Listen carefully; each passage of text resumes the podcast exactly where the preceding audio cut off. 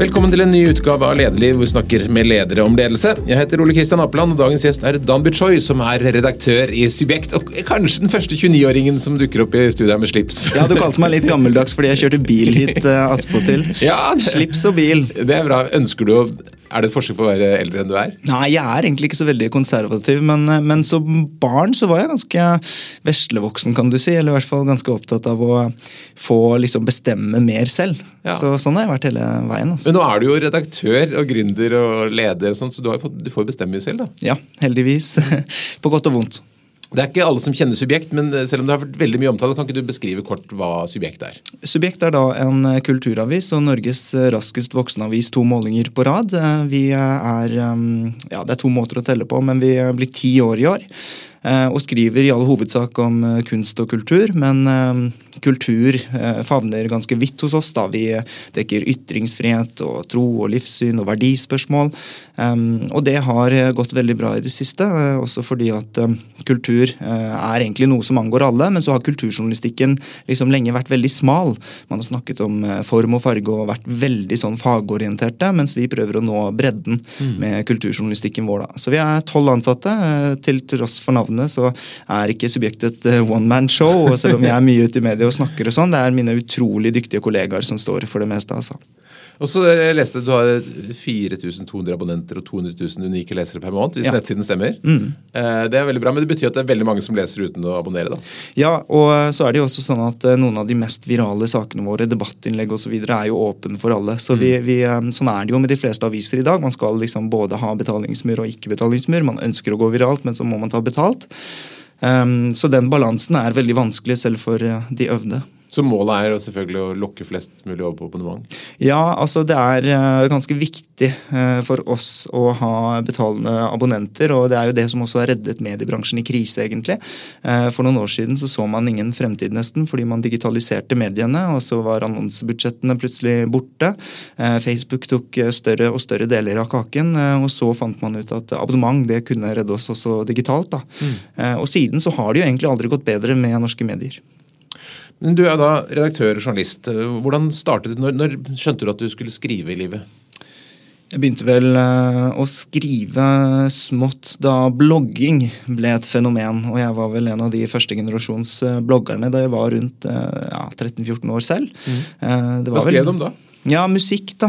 Og um, musikkvideoer. Og gjorde en del sånn um, Ja, det var, uh, det var selvfølgelig barnslig, men, men eh, samtidig en ganske kul interesse. Og så ser jeg også tilbake på det litt sånn um, eh, Jeg ser at jeg interesserte meg for analysedelen av musikk og sånn tidlig, da, og det er jo en eh, ganske sentral del av Subjekts virksomhet i dag også. Det er anmelderiet. Vi har et av Norges mest omfattende anmelderi på kultur. Så eh, det begynte tidlig. Hva er det første du skrev? Husker du det? Eh, ja, nei, det var bare musikkvideoer. eh, Nei, hva det første var Eh, Nei, det begynte bare med generell musikkblogging, altså som ble hentet inn til Natt og Dag, uh, som er en gratisavis uh, som særlig var stort i Oslo på et tidspunkt. Og derfra var det jo bare veldig raskt inn i mediebransjen. Men eh, ble det noe utdannelse på veien? Ja, jeg tok en journalistutdannelse på Høgskolen i Oslo som heter Oslo Mett i dag. Som jo har vært veldig bra. Altså skole er skole, kjedelig osv. Men, men man får en slags selvtillit. da. Eh, hvis noen nevner ordet presseetikk, så vet man at man har vært gjennom disse tingene. Så, så det har vært viktig. Når bestemte du deg for å starte selv, da? Um, Underveis, underveis i eh, natt og dag Nei, det var jo altså sånn at jeg kom alltid forsinket til eh, timene på eh, Høgskolen i Oslo og, og lagde subjekt fra bakerste rad, så det var litt sånn um, underveis i studiene. Uh, samtidig så hadde jeg en stilling i natt og dag um, ved siden av studiene, så det var mange baller i luften. Men det var underveis i natt og dag at jeg kanskje merket at jeg ikke hadde den myndigheten eh, jeg skulle ønske meg, og kunne ikke dra det i den retningen jeg ønsket heller. Um, så eh, ja, Før det igjen så hadde jeg jo gitt ut eh, et papirmagasin, litt som, som et prøveprosjekt, egentlig. Subjekt som kom fysisk de to første utgavene. Men så var det januar, en januardag i 2017 at eh, jeg lanserte på nett. Eh, Jeg bruker mye jeg her nå, men den gangen så Ja, var det det, var- det veldig sånn Det er lov, det. Man starter alene. ja. og, og eh, den gangen så eh, begynte det altså med meg helt alene.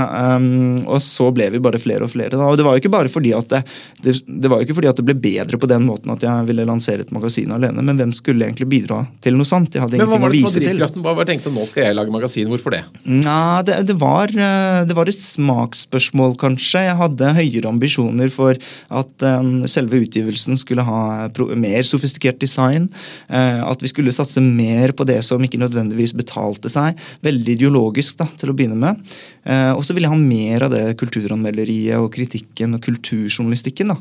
Eh, så det var rett og slett drivkraften. Men du startet på papir. Hvordan finansierte du trykking? Hvordan fikk du solgt, distribuert? Hvordan gjorde du det? Jeg fikk eh, 30 000 i støtte fra Fritt Ord eh, til det første nummeret. Det var enormt mye penger den gangen, husker jeg. Eh, selv om jeg hadde brukt et år på prosjektet. Det vanskeligste var jo å betale husleia, egentlig. Um, og så eh, Det dekket jo så vidt eh, trykket. Trykkingen. Eh, så mm, da eh, da var man i gang. Hvor mange, hvor mange opplag, var opplaget? 500 i opplag, utsolgt eh, over hele landet. Hvordan gjorde du det? Hvordan fikk du det ut? Nja, det var Interpress eh, Ja. med Narvesen som distribuerte. Narvesen, ja. Og de tar jo provisjon. Det koster jo ingen penger å komme inn i ordningen. på en Mm. måte, så, så det var helt eh, herlig. Det føltes jo veldig stort. da, Det ga veldig blod på tann, egentlig. At man kunne se eget magasin i hyllene ved siden av. Gikk du rundt og kikket i Narvesen? Ja, ja, om jeg gjorde det. Hvordan føltes det? Nei, Det var skikkelig skikkelig stas. Eh, Man følte seg liksom som en del av mediemarkedet. Det ga veldig mersmak. Og ja, den gangen så ga jeg jo bort annonseplasser gratis. Og og det var veldig kult at eh, ja, det var gratis, men likevel så var liksom store aktører med. da. Eh, Astrup Fearnley-museet annonserte, og Nasjonalmuseet annonserte, og rock, nei, eh, hva heter det, Roskildefestivalen osv. Så, videre, og så, videre. så følte jeg plutselig at wow, nå hadde jeg jo kontakter. Og det følte jeg ikke bare, men det hadde man jo. Eh, så var man plutselig i gang, altså. Kult. Eh, Hva var de store sakene i første nummer? Jeg hadde et intervju med Pussy Riot, eh, som var eh, ganske tøft. De kom til eh, Oslo i forbindelse med Oslo World Music Festival og et seminar de hadde på Nobels fredssenter. Og så var det to intervjuer, og det var med TV 2 eller noe sånt, og meg. da, Fordi jeg også kjente folk i Oslo World. Så det, ja, det, det gjelder å stikke huet frem eller å mase og sånne ting i starten. da, så det Altså, Man har jo alle konkurransefortrinn når man er store medier. ikke sant? Man ringer fra TV 2, og alle vet hva det gjelder. Eh, så slipper man liksom hele den der 'jeg ringer fra subjekt som er det og det og det', og det og det, og det kommer første nummer snart. Eh, og å komme over den kneika, det, det er kanskje liksom det, det store vi har fått til de siste årene. da. Hva tror du gjorde at Pussy Riot hadde lyst til å møte deg? Nei, det var vel egentlig Nei, jeg tror ikke de hadde lyst til å møte meg. Jeg tror egentlig bare at pressekontakten deres eh, kjente jeg, da. Så, Ja. de, eh, så vedkommende gjorde, Så de visste egentlig ikke hva de skulle på? Møte en journalist. De skulle møte to journalister. Ja, Fantastisk. Og, og derfra så det, det ble nok suksess til at du tenkte at dette skal satse på? Mm, eh, rett og slett. Eller det var jo egentlig ingenting. Eh, det var ikke noe penger, det var et minusprosjekt uten like. Eh, men, eh, men eh, det var ingen tvil om at en eh, gnist var tent i meg. da. Eh, skikkelig motivert, i hvert fall. Og, og så hadde jeg fått et nettverk, og det er kanskje noe av det viktigste jeg har i dag, fremdeles. Så akkurat det det, de ambisjonene jeg hadde da som 18-åring, det har gitt meg mye til, til den dag i dag. Og hvor utviklet var liksom visjonen din? Hadde du et klart løp på hvordan dette skulle bli fremover? Nei, ikke det hele tatt. Det var liksom eh, Etter at jeg hadde satt i gang prosjektet, så var det jo liksom å slukke brannen hele, hele tiden. Mm. og ta et, et eh, steg av gangen. Men, eh, men, og jeg hadde ikke gjort det før, så det var jo det der med å Hvis jeg ikke visste, så måtte jeg jo bare spørre, og hvis eh, de sa at noe måtte til, så måtte jeg jo bare ordne det. Eh, og eh, at det en gang skulle bli arbeidsplass for tolv, og at eh, ja, jeg skulle sitte her og bli invitert til en podkast om ledelse, det visste jeg veldig lite om den gangen. Men når man går på nettsiden i dag, så, står det ganske forklart liksom, hva som er ambisjonen. Vi skal være eh, altså, det, det, det er ganske sånn tydelig hva dere ønsker å være. At det skal være ledende kulturavis og bestevenn i spørsmål om god smak. Kom det tidlig, de, visjonene der? Ja, eh, det kom overraskende tidlig uten at jeg egentlig Nei, altså visjonene eh, de var der uten at jeg hadde nedfelt dem noe sted. Eh, Det der med at vi skulle være en guide til god smak, det har ligget der hele veien. Eh, og så var det det der med at eh, vi skal være ledende kulturavis. Det har vi egentlig kanskje fått litt mer i det siste. Vi hadde ingen ambisjoner om å være det i starten. Mm. Så spørs det jo litt hvordan man ser på det, fordi vi er en av veldig få liksom, utelukkende kulturaviser. Men vi liker å sammenligne oss ikke med liksom, kulturtidsskriftene, for de ble vi større enn ganske tidlig. Men Morgenbladet, Klassekampen og Aftenpostens kulturredaksjon er størrelse vi liker å sammenligne oss med. Og, og Morgenbladet kan vi jo eh, ja, De er vel fremdeles åtte ganger så store eh, som oss, men har riktignok eksistert i 200 år. Mm. Eh, men vi tar raskt innpå der og, og liker å bruke dem som en slags ja, målestokk. da. Mm. Det å være en guide til god smak er ganske sånn pretensiøst fra en ung mann. Ja, og så er det jo subjektivt i tillegg. Men, men det handler egentlig mest om å gjøre, ha et bevisst forhold til det. Og det er ikke så mange som, som tar bevisste valg hva gjelder smak, da, som er veldig tett forbundet med alt fra filosofi til etikk og alt mulig sånn. Så ja, kultur og liksom å være um, ja, ha god smak og liksom å erklære sin smak osv. Det er selvfølgelig, det har alltid vært litt pretensiøst, men, men, det handler jo også om å, om å um, ja, se mye film, lese mye bøker eh, og å klare å eh, argumentere for hvorfor noe er bra og hvorfor noe er dårlig. Hmm. Og så kom det liksom store skritt hvor det skulle gå fra én til, til to. altså Det å ha en ansatt. Hvordan tenkte du når, den, når du første gang gjorde en ansettelse? Det var ikke noe sånn eh, hadde ikke noen eh, rekrutteringsbyrå med meg, akkurat. Eh, og eh, det var ikke bare å velge og vrake. Men det var blant disse studiekameratene mine da, å velge blant de vennene mine som mm. kanskje hadde mest nærliggende smak og interesse og visjon. Mm. Reflekterte du da over at nå går jeg til å bli en leder? Mm, nei, det gjorde jeg nok eh, ikke. Samtidig som eh, jeg måtte sette meg inn i noen eh, utfordringer og problemstillinger for første gang. Men, men, jeg tenkte ikke det. Det var brannslukking og det var ansettelse fordi vi måtte. Mm. Men nå har du jo holdt på litt som leder og fått litt flere ansatte. Så har du formet seg en slags lederstil eller ledelsesfilosofi hos deg? Um, vi er ganske heldige som driver med eh, journalistikk, som oppleves veldig meningsfylt for eh, de mange ansatte. Og så er det jo også sånn at man i redaktørplakaten, nei, Vær varsom-plakaten Det står at man ikke kan ikke sant, tvinge folk til å skrive artikler de ikke, som strider mot deres overbevisning osv. Det er veldig tett forbundet med det jeg oppfatter som selvledelse, egentlig. At, at de, det, det, må være personlig motivert, og historiefortelling er ofte det. Mm. Så således er jeg ganske heldig, fordi at folk får lov til å drive med det de ønsker å drive med. Eh, og fordi at de, de er motivert av å drive, skape endring eh, og, og kritisere samfunnet til det bedre. Eh, så um, jeg har fått, en, um, jeg fått mersmak på dette med at eh, bedriften går som regel best når jeg ikke mikrostyrer eller leder, og når jeg ikke eh, er for opptatt av detaljene, og når jeg ser at alle har det gøy på jobb. Så å bruke mine ansatte til det de er best på, er noe som falt meg, men også yrket veldig naturlig, og som er egentlig en av suksessformlene. Mm. Men selv om du, folk jobber med det de liker, så skal du bestemme lønn og du skal bestemme hvor mye du skal levere, du skal ta opp hvis de ikke leverer. Sånn, Syns du det er krevende? Uh, nei, jeg finner det faktisk ikke så veldig vanskelig. Uh, og det, jeg hører stadig vekk at jeg at jeg, altså, eh, jeg tror jeg er en dårligere leder enn jeg er. Eh, og jeg fikk faktisk høre at Dambi, jeg tror du tror du er en veldig mye dårligere leder enn du er. Det er noe av det hyggeligste jeg har hørt. Ja, det er ja, og, og, og, da fikk Det handlet altså om at de Oi det, veldig, det, er ingen på jobb som, eh, som eh, blir tvunget til å gjøre noe, eh, eller noe sånt. Og så tar vi det opp hvis vi eh, Noen ganger så har vi prøveperioder hvor man eh, må levere flere artikler eh, for å liksom jobbe med det, det korte og det raske.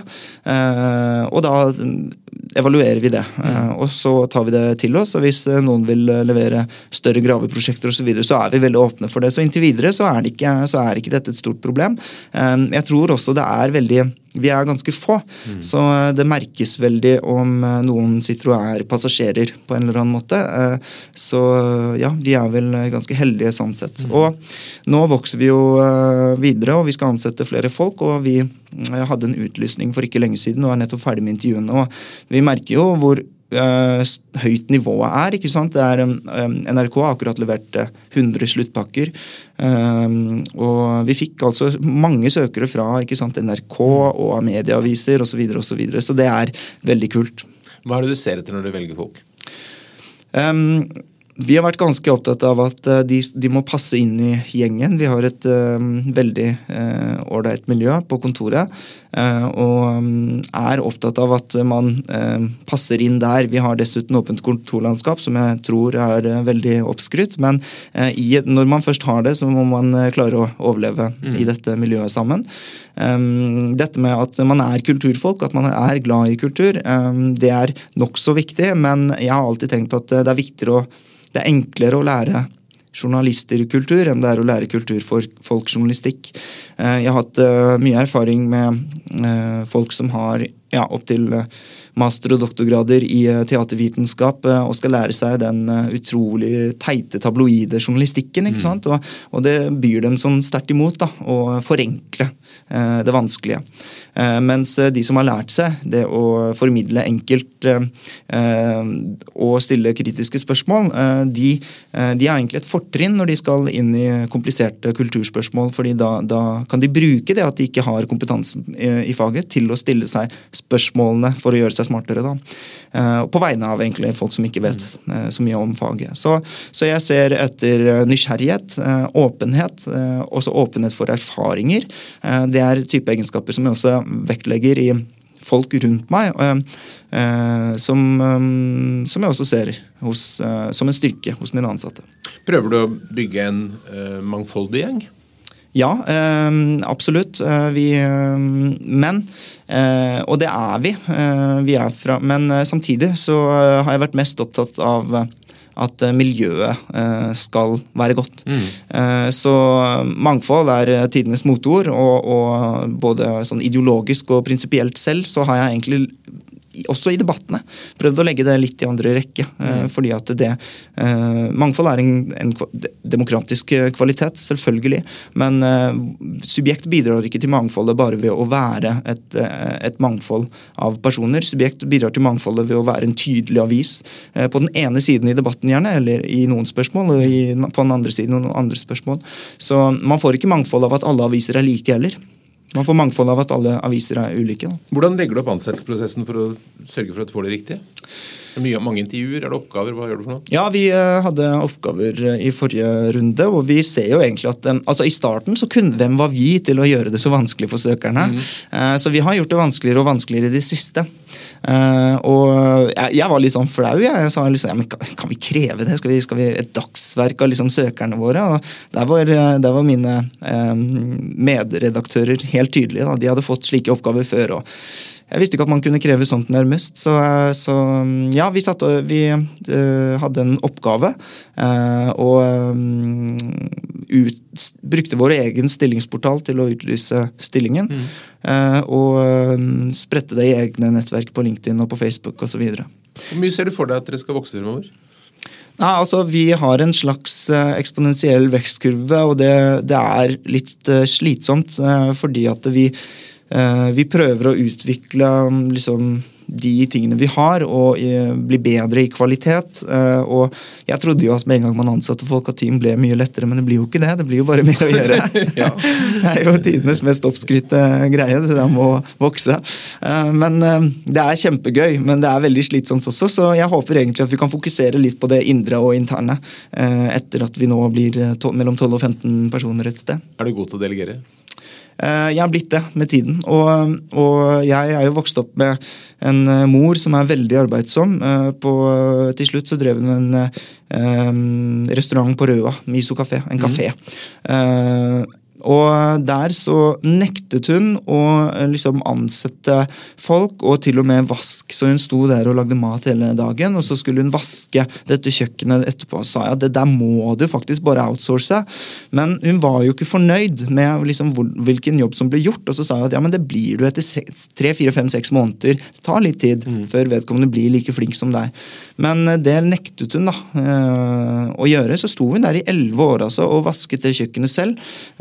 Og så tenkte jeg hele tiden at sånn der skal jeg ikke bli. Man må altså delegere, og man må altså få andre til å gjøre deler av jobben. da, Hvis ikke så blir man altså så utslitt. Mm. Og litt sånn traumatisert av det, så har jeg liksom gitt fra meg stadig mer. Og det, det er jo vanskelig. Det er jo for det første hjertebarnet, og, og du ser at Um, I starten så vil jo ikke de gjøre jobben like godt som deg, så det er veldig lett å bare gjøre det selv. Uh, men etter hvert så ser man jo nå at uh, mine ansatte er veldig mye flinkere på det de gjør i dag, enn det, enn det jeg var. Nå har du etter hvert blitt en ganske synlig person, kjendis i hvert fall i det miljøet. Hva betyr det for uh, virksomheten? Det var, jeg hadde et foredrag på en videregående skole her om dagen, og de sa Eh, ja, jeg ble innledet som eh, Norges mest kjente redaktør. og så tenkte jeg litt på det, og så er jeg virkelig det. Men, men blant disse kidsa så uh, var jeg visst det. da. De kunne ikke navngi Trine Eilertsen eller VG-redaktøren. Og det at man er det, det er litt sånn på godt og vondt, selvfølgelig. Men, men samtidig så tenker jeg jo at det, det, er, det er, jo en styrke at man også får så mye plass der ute å tale på. Eh, men eh, så blir vi liksom veldig forbundet med mine personlige meninger, og subjekt får et veldig tydelig ståsted, eh, som egentlig ikke er et stort problem, men som mange bruker nei, Som gjør at kanskje konkurrentene våre blir litt sintere, at leserne halv... Ja. Men jeg tenker også det at min politiske analyse er litt sånn Ingen norske partier har 50% oppslutning. Og hvis du klarer å dele befolkningen i to, så har du gjort en veldig god jobb. Mm. og eh, når vi også har et tydelig ståsted, eh, så blir også subjektjournalistikk viktigere. Vi får en tydeligere rolle. og disse tingene. Så tenker jeg også at vi får en litt sånn høyere baseline. på en måte. Vi blir, At subjekt er kjent, er en viktig del når vi tross alt det er en valuta da, når du mm. jobber i offentligheten, eh, at eh, media er kjent. Det er dette med at eh, selgerne våre, ikke sant, når de ringer, så, så, så trenger man ikke å forklare hva subjekt er lenger. Og det er en veldig styrke. Men Jobber du mye med måte, ditt eget image? altså Hvordan du går kledd, hvordan du oppfører deg i møte med mennesker osv.? Nei, altså jeg går jo uh, i slips i dag, uh, som du ser. Men, men uh, det er jo fordi at jeg møter ledere og andre direktører og politikere og statsministre plutselig. Um, og um, så er det dette med at jeg ikke klarer å si nei, selv om altså Nå i det siste har jeg sagt mye nei, men, men fordi jeg må. men, men jeg det er ikke fordi at det, noe annet enn at eh, nå har jeg en mulighet til å snakke vår sak med en mikrofon til folket, og så prøver jeg å gjøre mitt beste. Mm. Uh, men, men, jeg gjør veldig lite i sånn kommunikasjonsfaglig øyemed. jeg er veldig dårlig på det, egentlig. og får jeg svetter altså hvis jeg, hvis jeg, står der og sier noe annet enn det jeg virkelig tror på og virkelig mener, mm. for å roe ned en situasjon eller et eller annet sånt. Hvordan, hvordan, setter du retning for avisen sånn internt blant de ansatte? Er det, jobber du med visjon og verdier og, og sånne ting? Um, jeg opplever det som eh, ganske tydelig, men det er dette med at uh, Kulturlivet vil være kulturlivet selv om en direktør må gå. Eh, og vi skal bidra til at kulturlivet står på tå hev. Eh, og da må man stille kritiske spørsmål og være veldig irriterende. Eh, og sånn som journalister skal. Jeg tenker jo at i næringslivet der, der kan man forvente å få en journalist på nakken, men samtidig så har næringslivet publikum rundt lillefingeren. Sant? Så det er en veldig god sirkel. Mm. I kulturlivet så har den vært veldig preget av type lanseringsjournalistikk og, og gred medhårs, uh, som gjør at liksom vår type journalistikk uh, virker litt fremmed. da. Hvorfor vi ble kalt for kulturfiender til å begynne med. Men uh, kritikk er jo å ønske uh, samfunnet bedre. Kulturlivet blir bedre av kritikk. Uh, så det der med å etablere det oppdraget har vært ganske, ganske viktig, også internt. Mm. fordi at konkurrentene våre oppleves jo å være veldig på kulturlivets side når de ikke sant, bare forsvarer dem for syns skyld, eller bare forsvarer dem for å være deres talerør. Men jeg tror altså på den kontraintuitive kritikken. Mm. Så, Men er, kan det bli en sånn håper å si besettelse òg, at man kritiserer alt? Ja, men eh, det er liksom eh, det, det, har vært utrolig viktig da, eh, for Vestens utvikling at man har hatt liksom journalistikken og pressen som institutt. Fordi at den ja, nærmest kontrære eller litt sånn man opplever den som bare kontrær, den pressens samfunnsoppdrag. Men ja, hva så, har jeg tenkt. da. Fordi det mm. bidrar jo til at hvis du ikke kan svare godt på det, så har den jo en berettigelse. Så, så, så fremt eh, journalister stiller kritiske spørsmål og gjør det vanskelig for ledere og gjør det vanskelig for bedrifter, så, så bidrar dette til at eh, ja, næringslivet og samfunnet og kulturlivet står på tå hev. Mm. Dere har jo fått litt hjelp av woke-bevegelsen. og liksom gjort det satt deg i sentrum. Hvordan definerer du selv woke? Woke har vært en gavepakke, var det en kompis av meg som sa. Og det ja, tror jeg, det tror du har sagt det til media òg. Ja. Ja, og det, det, det, tror jeg um, um, Det er hyggelig, det. Er, uh, woke er jo da um, en måte å tenke på, egentlig, som begynte mest etter Black Lives Matter-demonstrasjonene. Woke var et begrep man brukte på blant svarte amerikanere tidlig på 1900-tallet. Uh, da var den veldig berettiget og betimelig. Da sa man til hverandre at stay woke, være årvåken mot rasisme. So far, so good. Men uh, etter uh, at unge og progressive begynte å ta dette veldig i bruk rundt eh, Black Lives Matter-demonstrasjonene, så koblet man woke til dette å være eh, mot rasisme, eh, og på en veldig lite konstruktiv måte. Fordi at det, man eh, anså alt som eh, sto i veien for antirasisme, for å være rent rasistisk. og en gang Aftenposten skrev at det var mer koronavirus på østkanten enn på vestkanten, så var det kampanje på sosiale medier mot journalisten da, om at han var en rasist. Men det kan jo tenkes at journalisten ikke var en rasist. Det kan jo tenkes at det var mer korona på østkanten enn på vestkanten. Og hvis det brenner noe sted, er det fint å vite hvor det brenner. Så denne woke-tankegangen sto veldig i veien for at eh, journalister kunne gjøre samfunnsoppdraget sitt. da. Og det gjelder forskere også. Forskere som sa noe kritisk til innvandring eller avslørte noen funn om uh, hva som helst. Uh, det er jo ikke nødvendigvis veldig snilt gjort, men uh, vi i samfunnet må liksom tåle en del sånne ubehagelige sannheter. som både forskere, kunstnere, journalister og lærere og ganske mange samfunns stemmer er nødt til å drive med. Så woke er en tankegang som eh, f.eks. utfordrer veldig dette med at det kun finnes to kjønn, og det er jo greit, men, men, du kan ikke si at det ikke skal være lov å si at det finnes to kjønn. Eh, du kan ikke sparke professorer som nekter å bruke eh, ordet hen. Og det er også fordi at hen er altså Ytringer er ytrerens eiendom, ikke den som mottar det. Bare se for deg at jeg skulle bedt deg kalle meg N-ordet. Mm. Det er jo ditt ansvar. Mm. Eh, så, så, dette med at eh, man krever av andre å bruke andre ord, det er, også liksom, det er å gå for langt. da. Eh, så ja, det er en del sånne problemer woke byr på, som vi i Subjekt har vært veldig kritiske til, fordi at vi opplever det som et veldig viktig kulturspørsmål. Og når du ser at Roald Dahl sin litteratur skal renskes for krenkende ord, når eh, Nicolay Ramm sitt humorshow blir fjernet fra arkivene, når benker foreslås fjernet og steiner og friluftsliv blir kalt rasistisk, når hvite professorer på KIO kreves erstattet pga. sin hudfarge. Alle disse tingene som vi har lest veldig mye om i de siste årene, er en del av liksom woke tendensen. Da. Og Siden dette vel, skjer veldig mye i kulturlivet, så har vi i Subjekt dekket det. Og det har oss, et, gjort oss til en slags sånn anti-woke-avis, og det kan vi leve fint med. og Vi var jo blant de første som skrev mye om dette. Nå er det på alles lepper og, på, og i alle aviser. Men, men, eh, men, eh, det at vi er liksom anti-woke, har også gjort at disse woke menneskene får oss til å se på oss som rasistene selv, da, ondskapen selv. Eh, men eh, jeg tenker at det må vi altså bare tåle, og så endelig merker vi at det resonnerer veldig mye mer av dette prosjektet vårt. Og så er vi litt prisgitt at jeg er en homofil innvandrer mm. fra østkanten ikke sant, som eh, tar opp disse spørsmålene, og, og det har vært um, veldig viktig tror jeg, for mange. fordi at det, det handler jeg sier ikke det bare for å bruke et identitetspolitisk argument, men for å vise at uh, identitetspolitikk det snakker ikke alle innvandrere sin sak. Uh, det er jeg og veldig mange andre levende beviser på. Vi ønsker jo å være kjent for hva vi mener, hva vi står for, og ikke hva ja, hudfargen vår viser. da. Men Hadde det vært vanskeligere for deg å tatt en posisjon hvis du hadde hatt en annen hudfarge? Ja, det var en kollega av meg som sa det. Jeg er så glad for at du er brun og homo, hvis ikke så kunne vi aldri kunne du aldri ha ment det. Jeg tror du det er sånn? Jeg tror det. Mm.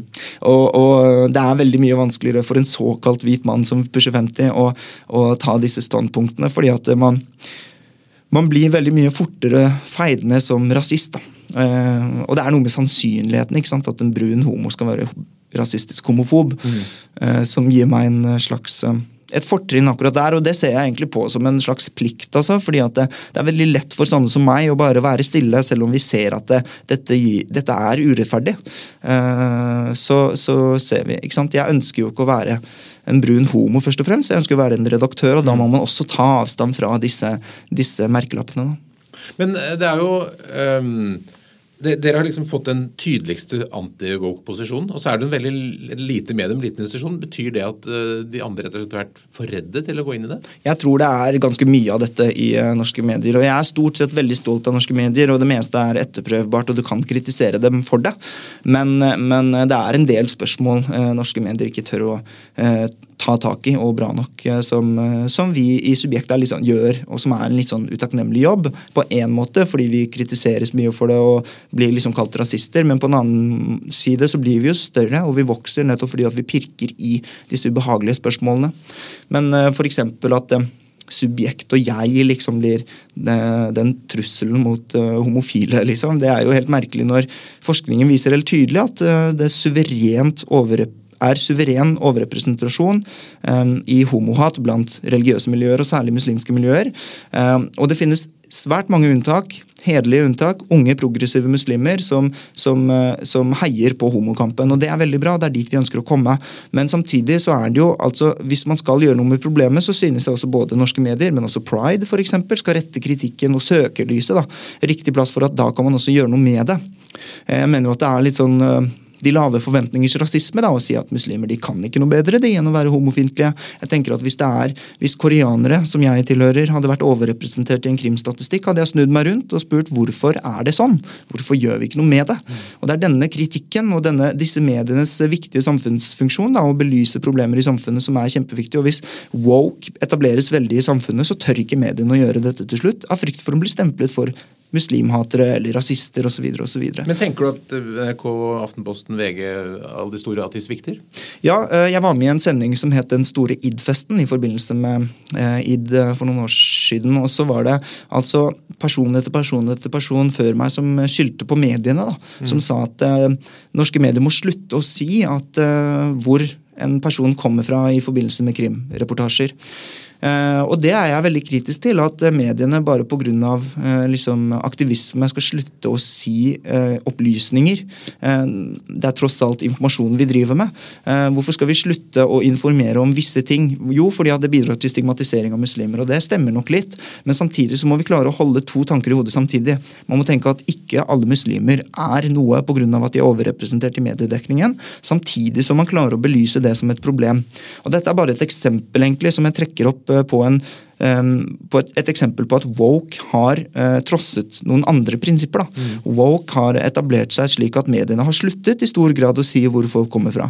Uh, og Da får man i samfunnet et feilaktig bilde av hvorfor ting er som de er. At dette er et kulturelt betinget problem, i stedet for at det bare er sant, noe som skjer blant unge gutter. Mm. sånn at jeg tenker at Det er mye viktigere at vi forholder oss til de harde, ubehagelige faktaene, og at vi ikke lar woke vinne i de spørsmålene. For det er vel også noe udemokratisk her, ved at en liten gruppe dikterer majoriteten? Ja, det også. Eh, så eh, dette med woke er jo egentlig en veldig høylytt og liten, men litt sånn skremmende og autoritær gruppe. Eh, og det er veldig altså jeg, tenker, jeg, elsker kapitalismen, men er liksom kapitalismen den beste måten å rammeverke for ytringsfriheten og for frie medier? For hvorfor skulle Aftenposten skrevet en sak om det bare var upopulært? Hvorfor skulle de store mediene gjort det? Eh, det tenker jeg på noen ganger. og Det, mm. altså, det bidrar jo kanskje til at sånne som subjekt oppstår. Da, og eh, som Innenfor presseetikken og innenfor Vær varsom-plakaten og innenfor liksom det etablerte tradisjonelle medier eh, driver med og har av verktøy, eh, gjør mer av det ubehagelige stoffet. Men samtidig så tenker jeg jo at eh, det, kan, det, er veldig farlig hvis eh, en høylytt majoritet, eh, minoritet, får lov til å bestemme med liksom rasismestempelet sitt. Eh, fordi at Hvis store medier er så redde for å bli stemplet som sant, fiender mot pride eller fiender av eh, liksom eh, ja, rasisme, eh, så så er det veldig farlig. fordi at Journalistikk er ikke sånn at uh, altså Journalistikk er, skal ikke være tvunget til å følge liksom, moralsk og politisk korrekthet i sin tid. Tvert imot så skal vi utfordre dette hele tiden.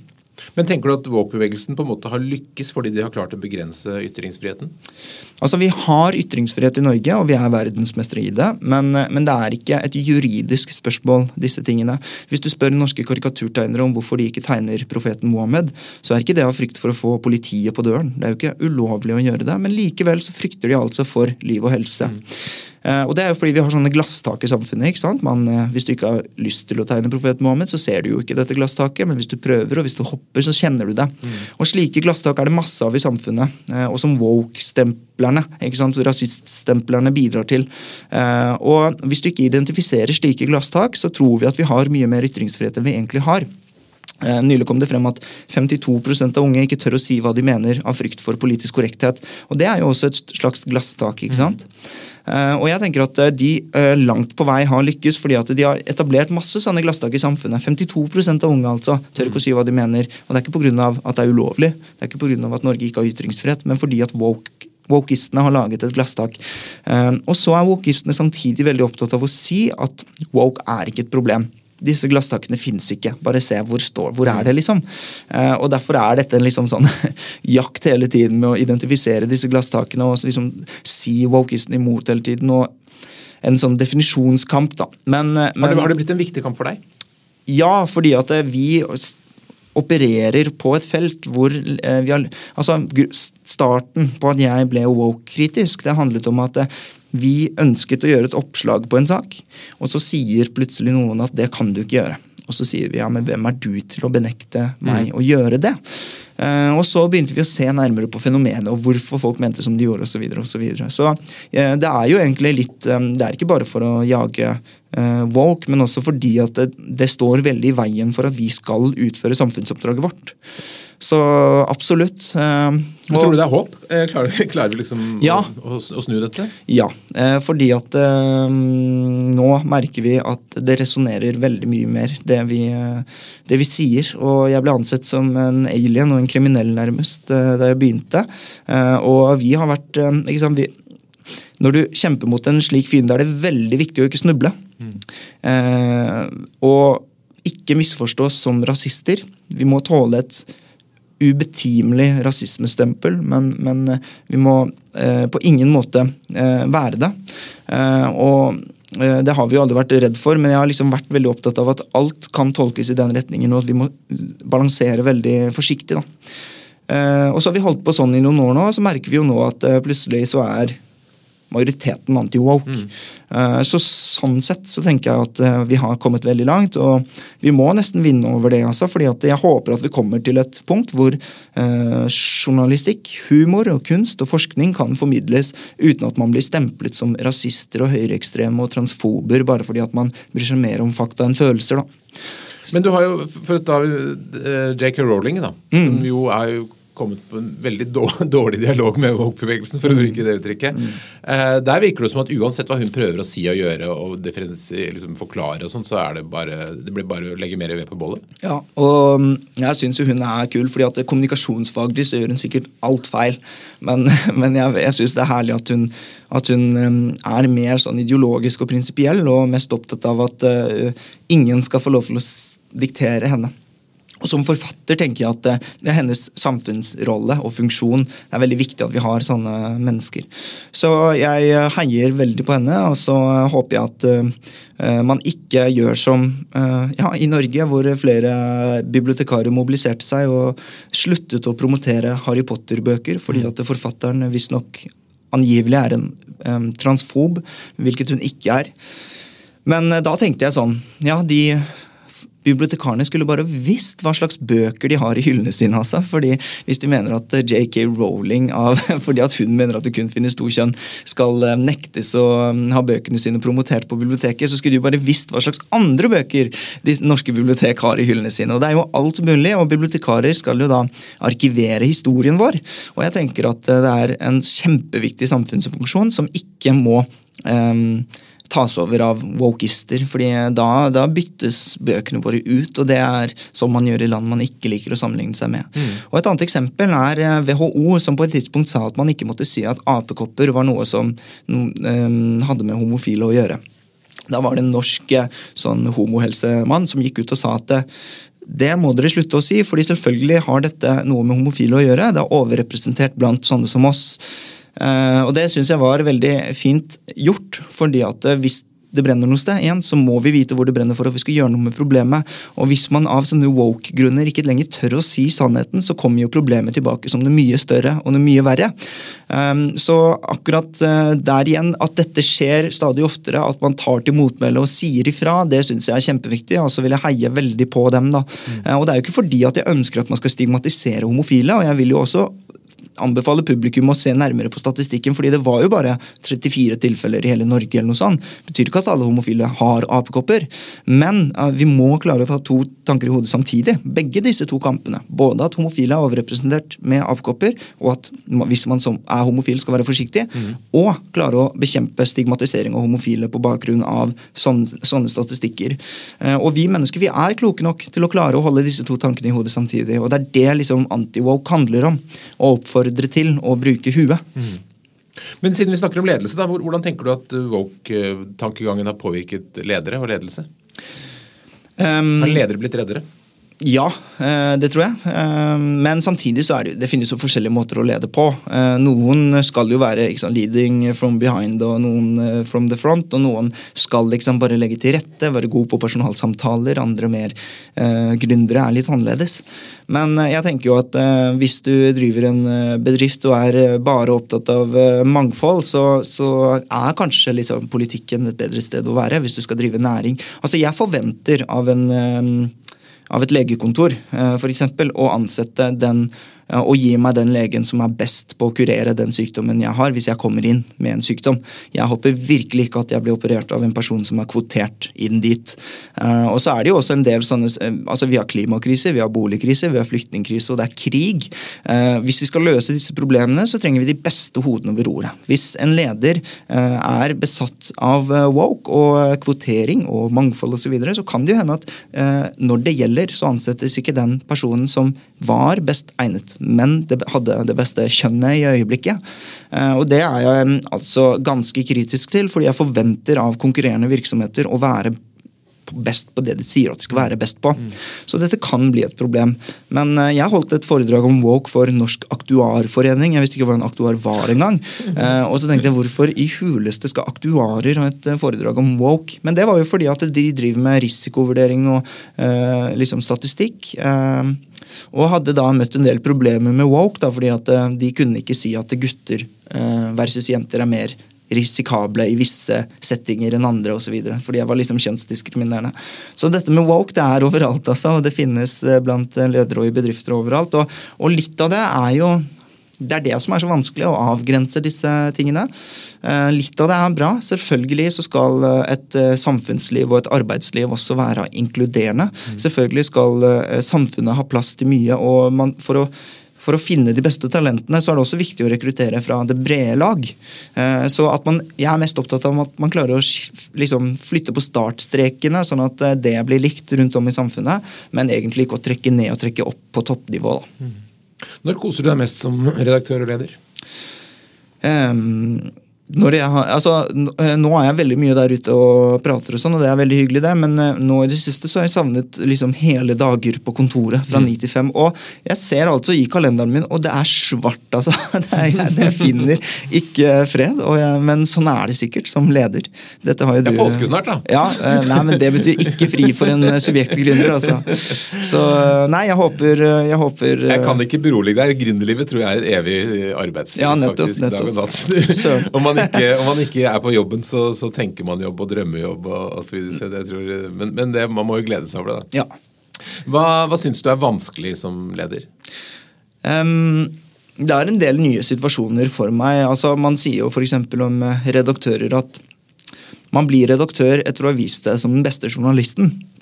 Og jeg som gründer hadde jo aldri vist meg som den beste journalisten. Jeg bare tok en sånn slags snarvei. Eh, men plutselig så skulle man altså lede tech-bedrifter. Eh, og jeg syns eh, dette Det er veldig mange ting og veldig mye endring som er like givende som vanskelig. Det er også dette med å liksom å lede en gjeng og, og finne liksom de gylne middelveier osv. som jeg også syns er kommunikativt eh, interessant, men også noe man ikke ventet. da. Eh, litt av poenget med det der med at man var de beste journalistene. Plutselig så skulle man være ledere for eh, Det er en del sånne spørsmål og områder du ikke ba om, mm. som kommer hele tiden, men, men det er ja, minst like spennende som vanskelig, syns jeg. Jeg syns det er vanskelig når Altså, jeg er jo en del debatter og sånn, og, øh, og må jo ta øh, hensyn til uh, at vi er en stor gjeng, og uh, ikke bare tenke på meg selv også. Så det er veldig mange spørsmål i løpet av hverdagen man må tenke på. Mange ting å tenke på, kort Du ja. nevnte teknologi, bare kort innom det. Nå uh, skjer det veldig spennende ting for oss som jobber med tekst på ulike måter, med ja. ny, ny, teknologi. Har du, har du, noen tanker om hvordan AI vil påvirke subjekt?